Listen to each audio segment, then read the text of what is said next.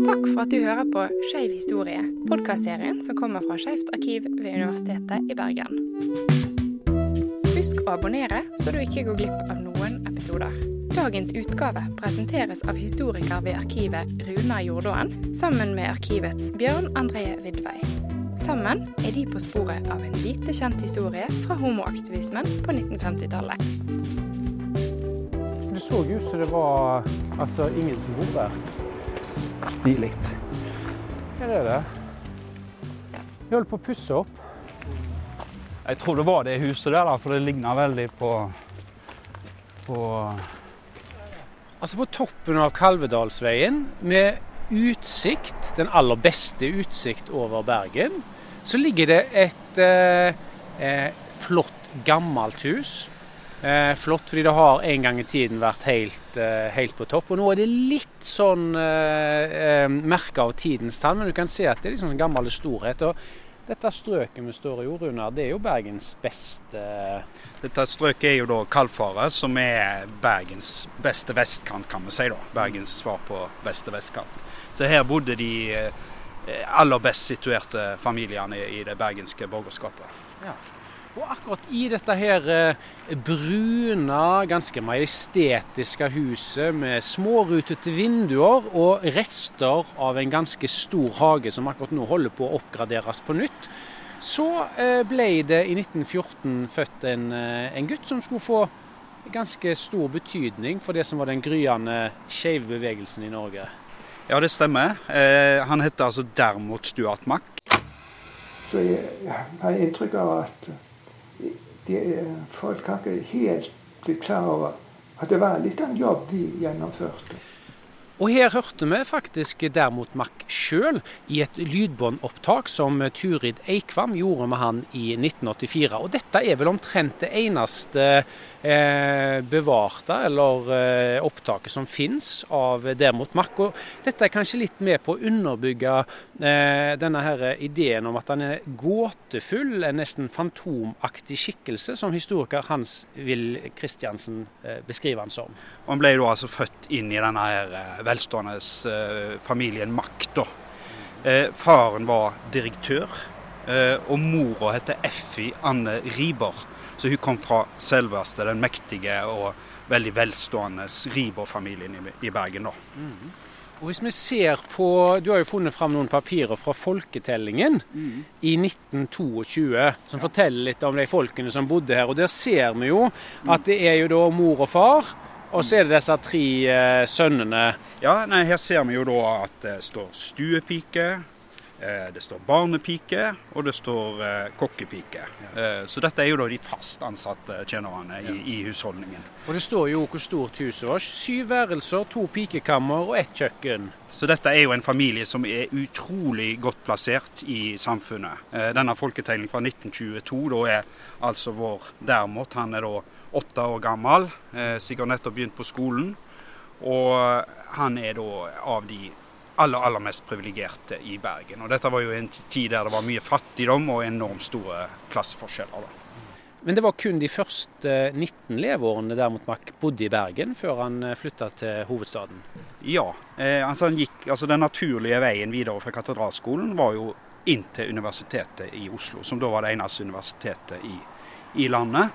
Eh, og her studerte han juss. Han ble ferdig jurist i 1938. Så hadde han, ikke helt sikker, men han jobba iallfall en periode i Riksrevisjonen. Eh, og så kom krigen, da. Eh, og det han nå forteller fra den tida akkurat når han var ferdig utdanna jurist i 1938, var at han på den tida da hadde sin første homofile opplevelse, som han skriver. Så da har han møtt en person. Men for alvor så kom han inn i et homofilt miljø eh, under krigen, faktisk. Og på den tida så var jo Oslo en mørklagte by eh, pga. krigen. Og allerede før den tida så hadde det vært møtesteder rundt parker og pissoarer i, eh, eh, i byen. Og derimot sa at han var ikke særlig begeistra for disse pissoarene. Men det som gikk, foregikk rundt disse pissoarene, det var det at man kunne komme inn i en krets. Og dette ble da, kanskje ironisk nok, eh, enda bedre under krigen. For da var det mørklagt, og man kunne skjule seg enda bedre. Og her var det jo sånn at eh, der var det både eh, tyske soldater og norske menn som møttes. I 40-årene under krigen, der var, da var det mørklegging veldig spennende. Ja. Og der var det en viss innbilder jeg meg at flere homofile kom ut nettopp pga. mørkleggingen, for da var ikke de så redde. Og der, Det var da jeg skaffet meg kontakt. Jeg kom inn i en sånn krets. ja. Hvordan skjedde det? Jeg er på gaten. Ja. Ja. Men Altså- sånn tilfeldig, eller var det da en ga- en gate hvor man visste at det gikk homofile Ja. og trakk, eller hva Altså, skal jeg altså, jeg er ikke noe begrep om pissoarer. Nei, nei, men altså omkring disse pissoarene var det liksom ja. da var det en sånn be, bevegelse. Og i da, det der var det ikke så få tyskere også. Så. Nei, der var det ikke så få tyskere, nei. Var ikke det skummelt da? Og der hadde de homofile som jeg, jeg tror de, de jeg kjente, en litt eiendommelig ho- holdning. For altså, når kvinner ble kalt tyskerdøser, Ja. men homofile Du ble ikke kalt noe? Nei. Det var Så det var ikke noen sånn holdning på at man ikke skulle gå dit, da? Hvis, eller ikke treffe tyskere? det, ikke noe utpreget, må jeg si. Nei. Det burde vært det. Ja, det burde jo det. Men han var jo òg da i jobb under krigen, eh, som eh, dommerfullmektig. Og, og hvordan kunne det gå? Var han f.eks. nødt til å, til å legge seg under tysk eh, på en måte lov og rett i dette, eller var det norske eh, lovsystemet litt eh, holdt på sida av det? Så det, det man kan si der, er jo at man håndhever det opprinnelige norske lovverket og en del av de nye lovene. da. Mens det var særdomstoler, da, både norske og tyske særdomstoler, som, som håndhever de mest sånn undertrykkende eh, eh, lovene mot motstandsfolk og den type ting. Så Sånn sett så har jo den norske dommerstanden prøvd å rettferdiggjøre at, gjøre at de forsatte sånn business as usual, for de kom ikke borti de mest ekstreme sakene. Men det kan man jo stille et spørsmålstegn ved. da. Men uansett, han fikk altså denne her eh, stillingen som dommerfullmektig på Hamar i 1942. Eh, eh, vi vet ikke så veldig mye om den tida, men vi vet at han, eh, han, han, han dro til Sverige i 1944. Eh, og Der har vi også funnet et sånt flyktningekort, da, der det står eh, at han er blitt re registrert inn i denne Kjeseter, denne eh, flyktningeleiren der alle nordmennene ble slusa gjennom. Eh, og så står det litt om ja, hvem han var, hvor han kom fra, og hvor han ble bosatt. da. Eh, han sier jo sjøl at han jobber ved den norske legasjonen eller ambassaden. Så i 44 og 45 så jobber han da altså for den norske regjeringen i London, i, i Stockholm, som, som representant der. Som Men, men vi vet ikke hva som var foranledningen til at han på en måte bestemte seg for å dra eh, Nei. når han gjorde. Nei. Nei. Og det, det er nesten umulig å si. Altså, noen drog jo fordi de var dedikerte motstandsfolk. Andre gjorde det for, av bekvemmelighetshensyn. Eh, Det, det er veldig vanskelig å si. Men det vi vet er jo at når krigen da var over, så kom han tilbake til Norge. Eh, og eh, tok nødvendigvis ikke opp igjen jobben, i hvert fall hvis han gjorde det så var det kun for en kortere periode. Og gikk rett og slett over på å leve av formuen sin. Og da må han jo ha hatt litt å ta av. Men du hadde vel, eh, gikk vel ikke uten jobb i Jo, jeg gjorde det. Jeg gikk uten jobb i mange år. Så du hadde dette som hel, heldagsbeskjeftigelse?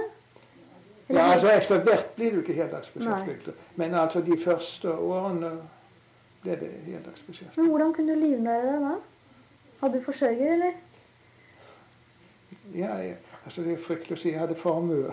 Ja, nettopp. Formue. Akkurat. Så du brukte en del av formuen din på å leve disse årene og jobbe for, eh, for homofile? Ja. Og så må jeg si at jeg spilte litt til, for jeg mener, de hadde ikke penger til å dekke utgifter til advokat. Så det har du dekket? Delvis. Men det var innsamling, og der må jeg si at de var veldig sjenerøse. Altså, Ja. Tallet var jo så lite. Men altså, nå vil Men det er en, jeg er veldig imponert over en sånn innsats. Ja, og da, eh, Vi står her for, foran Villa Mack fremdeles. og Her er det jo da snakk om de store bergenske pengene fra spesielt da fra morssida, da, Riiber-familien. der man drev dette her, Det Norske Saltkompani. Faren var altså direktør for Det Norske Saltkompani, som var den største innen bransjen av saltimport i Norge på denne tida. Og, og, de sto jo på, på ligningslistene som en av de rikeste familiene i byen. Eh, så, så, det er nok eh, bakgrunnen for at han kan, eh, kan leve, leve, av formue, da. Eller som rentenist, som noen kaller det. Mm. Og så skjedde det jo en veldig stor og viktig ting. Den 20. mai 1950 så ble den norske seksjonen av forbundet av 1948 danna i Norge. Dette var en organisasjon som skulle etter hvert bli veldig viktig for Dermet Men Kan du bare si litt kort om hva var DNF 48? Eh, ja, du kan si det at eh, Forbundet av 48 ble oppretta i Danmark i 48. Eh, og så fikk de etter hvert avdelinger eller seksjoner både i Sverige og i Norge. Så den som ble oppretta eh, i 1950, det var jo den norske seksjonen av Forbundet av 48.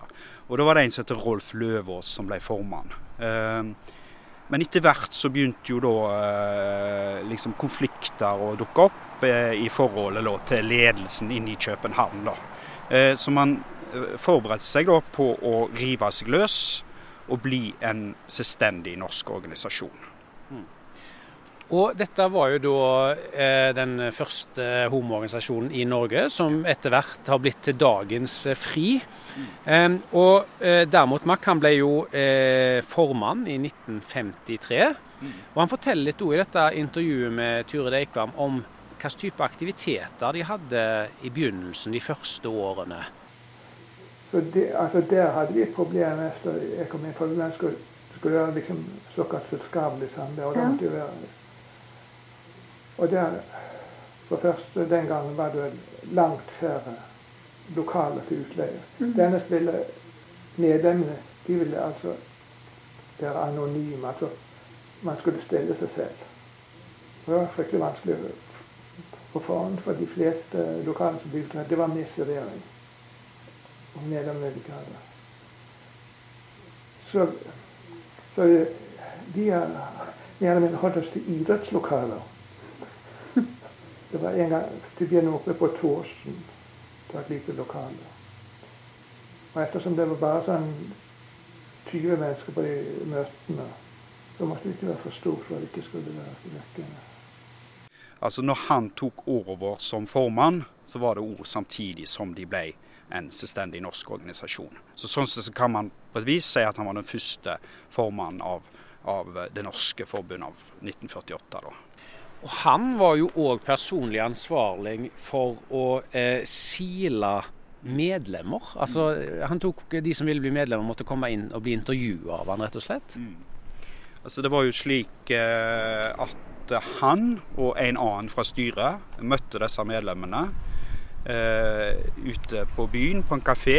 Eh, og så observerte de da, liksom, om ikke avhørte de, så snakket iallfall med de og vurderte de opp og ned og i mente da, om dette var liksom en respektabel og anstendig eh, person da, som kunne tas inn i forbundet. Og Det ble jo sagt at derimot var veldig veldig nøye da, på, å, eh, på, på at han ikke skulle slippe inn hvem som helst. da. Mm. Og, og, hvis jeg har forstått det rett, så var det jo de da som ikke umiddelbart kunne leses som verken lesbiske eller homofile, som var de han ville godkjenne. Fordi bl.a. sånne disse her mer synlige homsene som ofte var forbundet med frisøryrker, servitører og sånne ting, de var gjerne ikke så heldige og fikk være med da. Mm. Nei, Det er liksom blitt sagt at man, man favoriserte da middelklasse homser og til, til, en viss grad lesber. da. Eh, ja. Men dette henger vel òg litt sammen med at han la seg på det som vi kaller respektabilitetslinjen i foreningen. Ja. ja det må du si litt mer om. Ja, altså det, det, han var veldig opptatt av på dette tidspunktet, og der var det faktisk litt uh, uenighet innad, da. Det var at man skulle være respektable. I tillegg til at man skulle være diskré. Man skulle ikke eh, man skulle ikke vise ansikt utad. da. Så de var anonyme, men de skulle òg være respektable. da. Så mens den tidligere formannen, Rolf Løvås, hadde vært litt mer positiv til f.eks. pornografi og prostitusjon, så var derimot Mack helt avvisende til det. Eh, og han var òg veldig avvisende til en del av de bladene som de som leder forbundet i København, sendte ut. For der var det òg bilder av eh, halvnakne menn. Eh, og disse mennene Dette var i, i, realiteten da ganske unge gutter. Mm. I praksis var de gjerne over 18 år, men de så veldig unge ut. Og han var veldig opptatt av å Eh, at dette ikke var noe som skulle spres i Norge, og at man skulle ha veldig klare grenser der. Eh, så du kan si at det var, en, var liksom en konservativ holdning, men det var òg en, en, en, holdning der han liksom var veldig opptatt av å avgrense at homoseksualitet ikke hadde noe med mindreårige å gjøre. Da. Mm. Og hele organisasjonen var jo veldig opptatt av diskresjon. Sånn som hvis du fikk medlemspost, og når du òg fikk en sånn giroblankett for å betale kontingenten, så gikk jo den til uh, Foreningen for by og bygd. Mm. Uh, så det var jo et slags dekknavn de brukte. Ja, ja, ja. Så Det var altså et dekknavn for Det norske forbundet av 1948, som jo i utgangspunktet er et intetsigende navn. Så man skulle ikke tro de trengte det, men det ble jo etter hvert et kjent navn, da. Mm. Så da måtte man ha det. Men han ble jo òg tidlig en del av det internasjonale arbeidet mm. rundt rettigheter mm. for det vi i dag kaller for, for skeive. Han var bl.a. med på, på noen um, internasjonale kongresser allerede tidlig på 50-tallet. Ja. Det var noe som heter International Committee for Sexual Equality, ISCE, eh, som var da en sånn eh, eh, sammenslutning av eh, homoorganisasjoner. Så dette var liksom den spede starten til homobevegelsen i Europa etter krigen. Og dette var en sammenslutning da. Og han reiste på flere av dem. Han var i Frankfurt i 1952, han var i Amsterdam i 1953. Og skrev om dette da i, i medlemsposten bl.a. Og der kom eh, vi, igjen inn på denne her Rieber-formuen. da. Han kunne bruke all sin tid på å jobbe for forbundet, og det gjorde han veldig intenst. Og han kunne òg reise eh, og representere forbundet. Så, så forbundet har, og homobevegelsen har mye å takke eh, Bergen og det bergenske borgerskapet for. Mm. Og siden han kom fra det bergenske borgerskapet, så snakket han jo òg selvfølgelig flytende både fransk, tysk og engelsk, som òg kom godt med. ja. ja. Så han var jo en meget diskré mann. Han brukte òg pseudonyme David Meyer ofte når han skrev. Eh, I medlemsbrevene så skrev han under ofte bare med M. Eh, men han, eh, overfor myndighetene og eksperter så representerte han forbundet. Når han tok kontakt med psykiatere og andre eksperter i, i anledning forskjellige saker de jobba med, så, så, så møtte de derimot makt. Og nettopp arbeidet med å fjerne paragraf 213 som kriminaliserte seksuelle handlinger mellom menn, skulle etter hvert vise seg å bli en av de aller viktigste oppgavene som derimot Mack tok fatt i. Men så kom jo liksom Etter ett år så kom jo dette forslaget fra, fra myndighetene om endring av paragraf 213. Da kom man jo i en ny situasjon. altså Før den da hadde vi en gruppe som kun representerte seg selv altså ca. 50 homofile som liksom Men altså da dette lovforslaget kom opp, og man skulle angripe det, så ble man plutselig kastet inn i en ny situasjon. Da skulle denne lille gruppen representere alle homofile i Norge. Mm. Og jeg, personlig så jeg var, var jeg fryktelig lite begeistret over og denne ansvarsfulle stillingen sånn, plutselig var blitt hevet opp i. Så hvis jeg har forstått det rett, så var den første utfordringen de sto overfor her, mm. var at denne her eh, paragraf 213 var en såkalt død paragraf, en sovende paragraf. Mm. Men så var det begynt litt sånn bevegelse og arbeid med at den skulle bli rett og slett erstatta av en paragraf som da ville bli levende og kunne bli mm. eh, tatt i bruk. Mm. Det, det, vil si at eh, forbundet hadde allerede ønsket at de skulle fjerne paragrafen. da. Mm. Eh, for selv om man var i stor grad en sovende paragraf, så var det en veldig veldig sånn tung symbolverdi med han. Så han var Bl.a. det der, der, at det sto eh, at eh, sex med dyr eh, var forbudt. Det sto i akkurat i den samme paragrafen. da. Mm. Så den paragrafen var med å, å, å la en veldig sterk demper da, og understreke det negative synet i samfunnet. da. Så Derfor så hadde man ment at paragrafen burde fjernes. Men det som kom opp nå, Straffelovrådet sitt forslag, gikk ut på at eh, man isteden skulle få en levende paragraf. Der, eh, det skulle være 18 års seksuell lavalder, altså to år mer enn eh, for heterofile. Mm. I tillegg til at de foreslo eh, sterke begrensninger på homofile foreninger sin virksomhet. Da. Så i praksis så fikk f.eks. For forbundet, hvis den paragrafen hadde blitt vedtatt, da, ikke fått annonsert i avisene, f.eks. Mm. Så det var en ganske sterkt eh, angrep som de måtte jobbe mot. Mm. Og eh, paragraf 213 i Norge var da, hvis vi sammenligner oss med våre naboland Sverige og Danmark, så var Norge på den tida absolutt det mest liberale landet, det er rett å si? Ja, man kan nok si det langt på vei. Og, og derimot Mack mente jo absolutt det. For, for, han karakteriserte alt det er altså som en, som en død og sovende paragraf. Så i eh, Sverige og Danmark så hadde man eh, ikke noe generelt forbud, men man hadde det der eh, med at man hadde høyere seksuell lavalder eh, enn for heterofili. Og det førte igjen til at eh, Eller disse paragrafene i, i, Danmark og Sverige de ble aktivt brukt. Mm. Eh, og, og, det var en ganske uheldig situasjon man hadde i de nabolandene. Men hvordan jobba da eh, derimot Mack eh, aktivt for at man ikke skulle få en forhøya eh, lavalder òg i Norge, og at dette her da ble skrinlagt? Altså Det han gjorde da, eh, var at han, eh, han, skjønte jo at dette måtte han jobbe med. Eh, og da var han i en posisjon der han kunne bruke mye tid på dette. da. det som var kjernen i spørsmålet, var jo at noen av de mest ledende psykiaterne i Norge hadde vært med i Straffelovrådet Bl.a. da eh, Ørnulf Ødegård, da, som var den helt sentrale norske psykiateren. Mm. Og de hadde da sagt at eh, man må prøve å forhindre at noen blir homofile.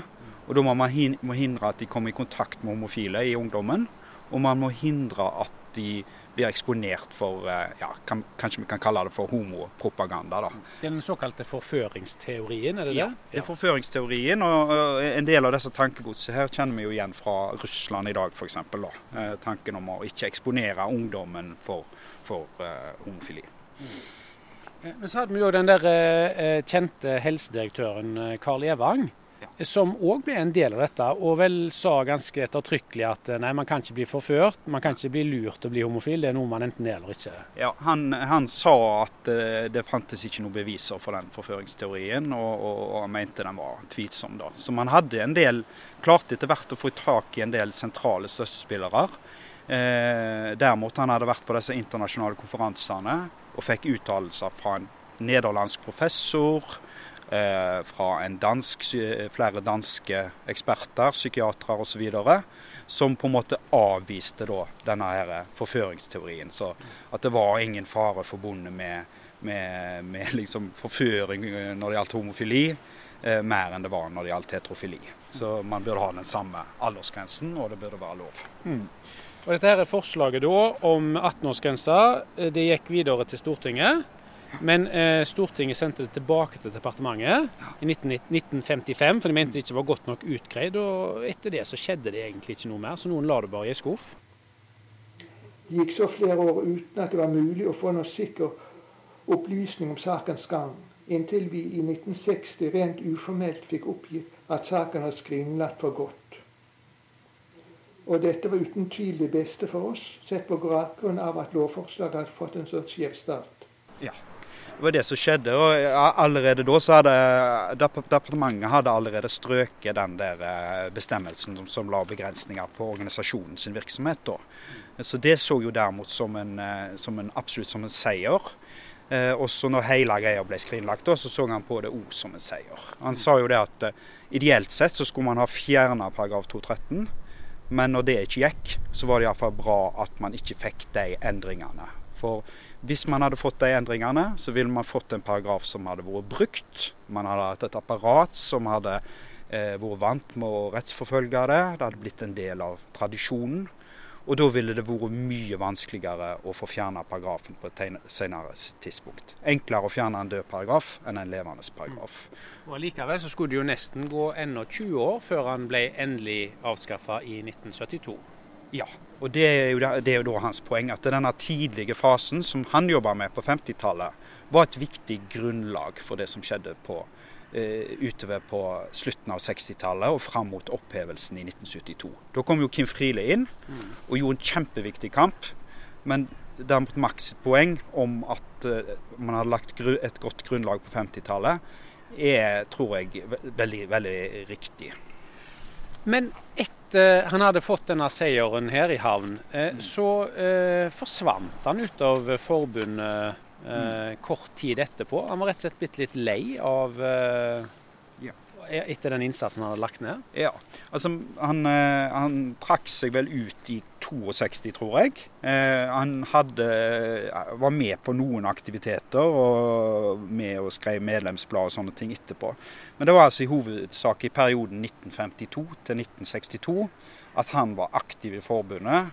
Og vi kan jo si at han i den perioden var kanskje den, den aller viktigste personen og aktøren og strategen da, som forma forbundet til det til det det var i den perioden. Men i dag så er det jo sånn at eh, når man eh, snakker om, om den skeive bevegelsen litt tilbake i tid, så er det jo alltid Kim Friele sitt navn som kommer opp. Hvorfor har vi egentlig ikke hørt om Dermot Mack? Hva er grunnen til det? For det første så var jo Kim Friele veldig, veldig viktig, og hun var veldig synlig. Og hun førte en veldig aktiv kampanje, sammen med andre selvfølgelig, for opphevelsen av paragrafen i 1972, og var veldig veldig viktig utover på 70- og 80-tallet. Så det, det, det er det ingen tvil om. Eh, og det er heller ikke sånn at det ikke har vært nevnt før, da. Men hvis vi skal tenke litt på det, da, så tror jeg nok det er det at han representerte noe som står litt langt fra oss i dag. da. Han representerte anonymiteten, og han representerte eh, en kamp som ikke kom i mål. Eh, de fikk ikke oppheva paragrafen sånn sett. Så man kan si at eh, det ligger langt tilbake, og det er litt fremmed kanskje. Uh, og det er kanskje òg litt vanskelig å forstå en del av holdningene hans. Uh, men, uh, men det, er, det, var en veldig veldig viktig grunnlag som ble lagt på 50-tallet. Så hans navn fortjener absolutt å bli huska bedre. og nå vet vi jo litt mer om bakgrunnen hans, da, når vi står her foran villaen i, i Kavlåsveien. Mm. Så Mo får nytt liv. Det er jo stor oppussing her på gang. Så ja. ja. Om en liten stund så er det ingen som ser at dette huset er over 100 år. Nei. så jeg har inntrykk av at de, folk har ikke helt blitt klar over at det var litt av en jobb de gjennomførte. Du har hørt den første episoden i vår nye podkastserie Skeiv historie fra Skeivt arkiv. Vi håper du har likt det du har hørt, og at du abonnerer på denne serien, slik at du ikke går glipp av noen episoder. Skeivt arkiv er det nasjonale kunnskapssenteret for historien om kjønns- og seksualitetsmangfold i Norge. Husk at du også finner oss på nett og i sosiale medier.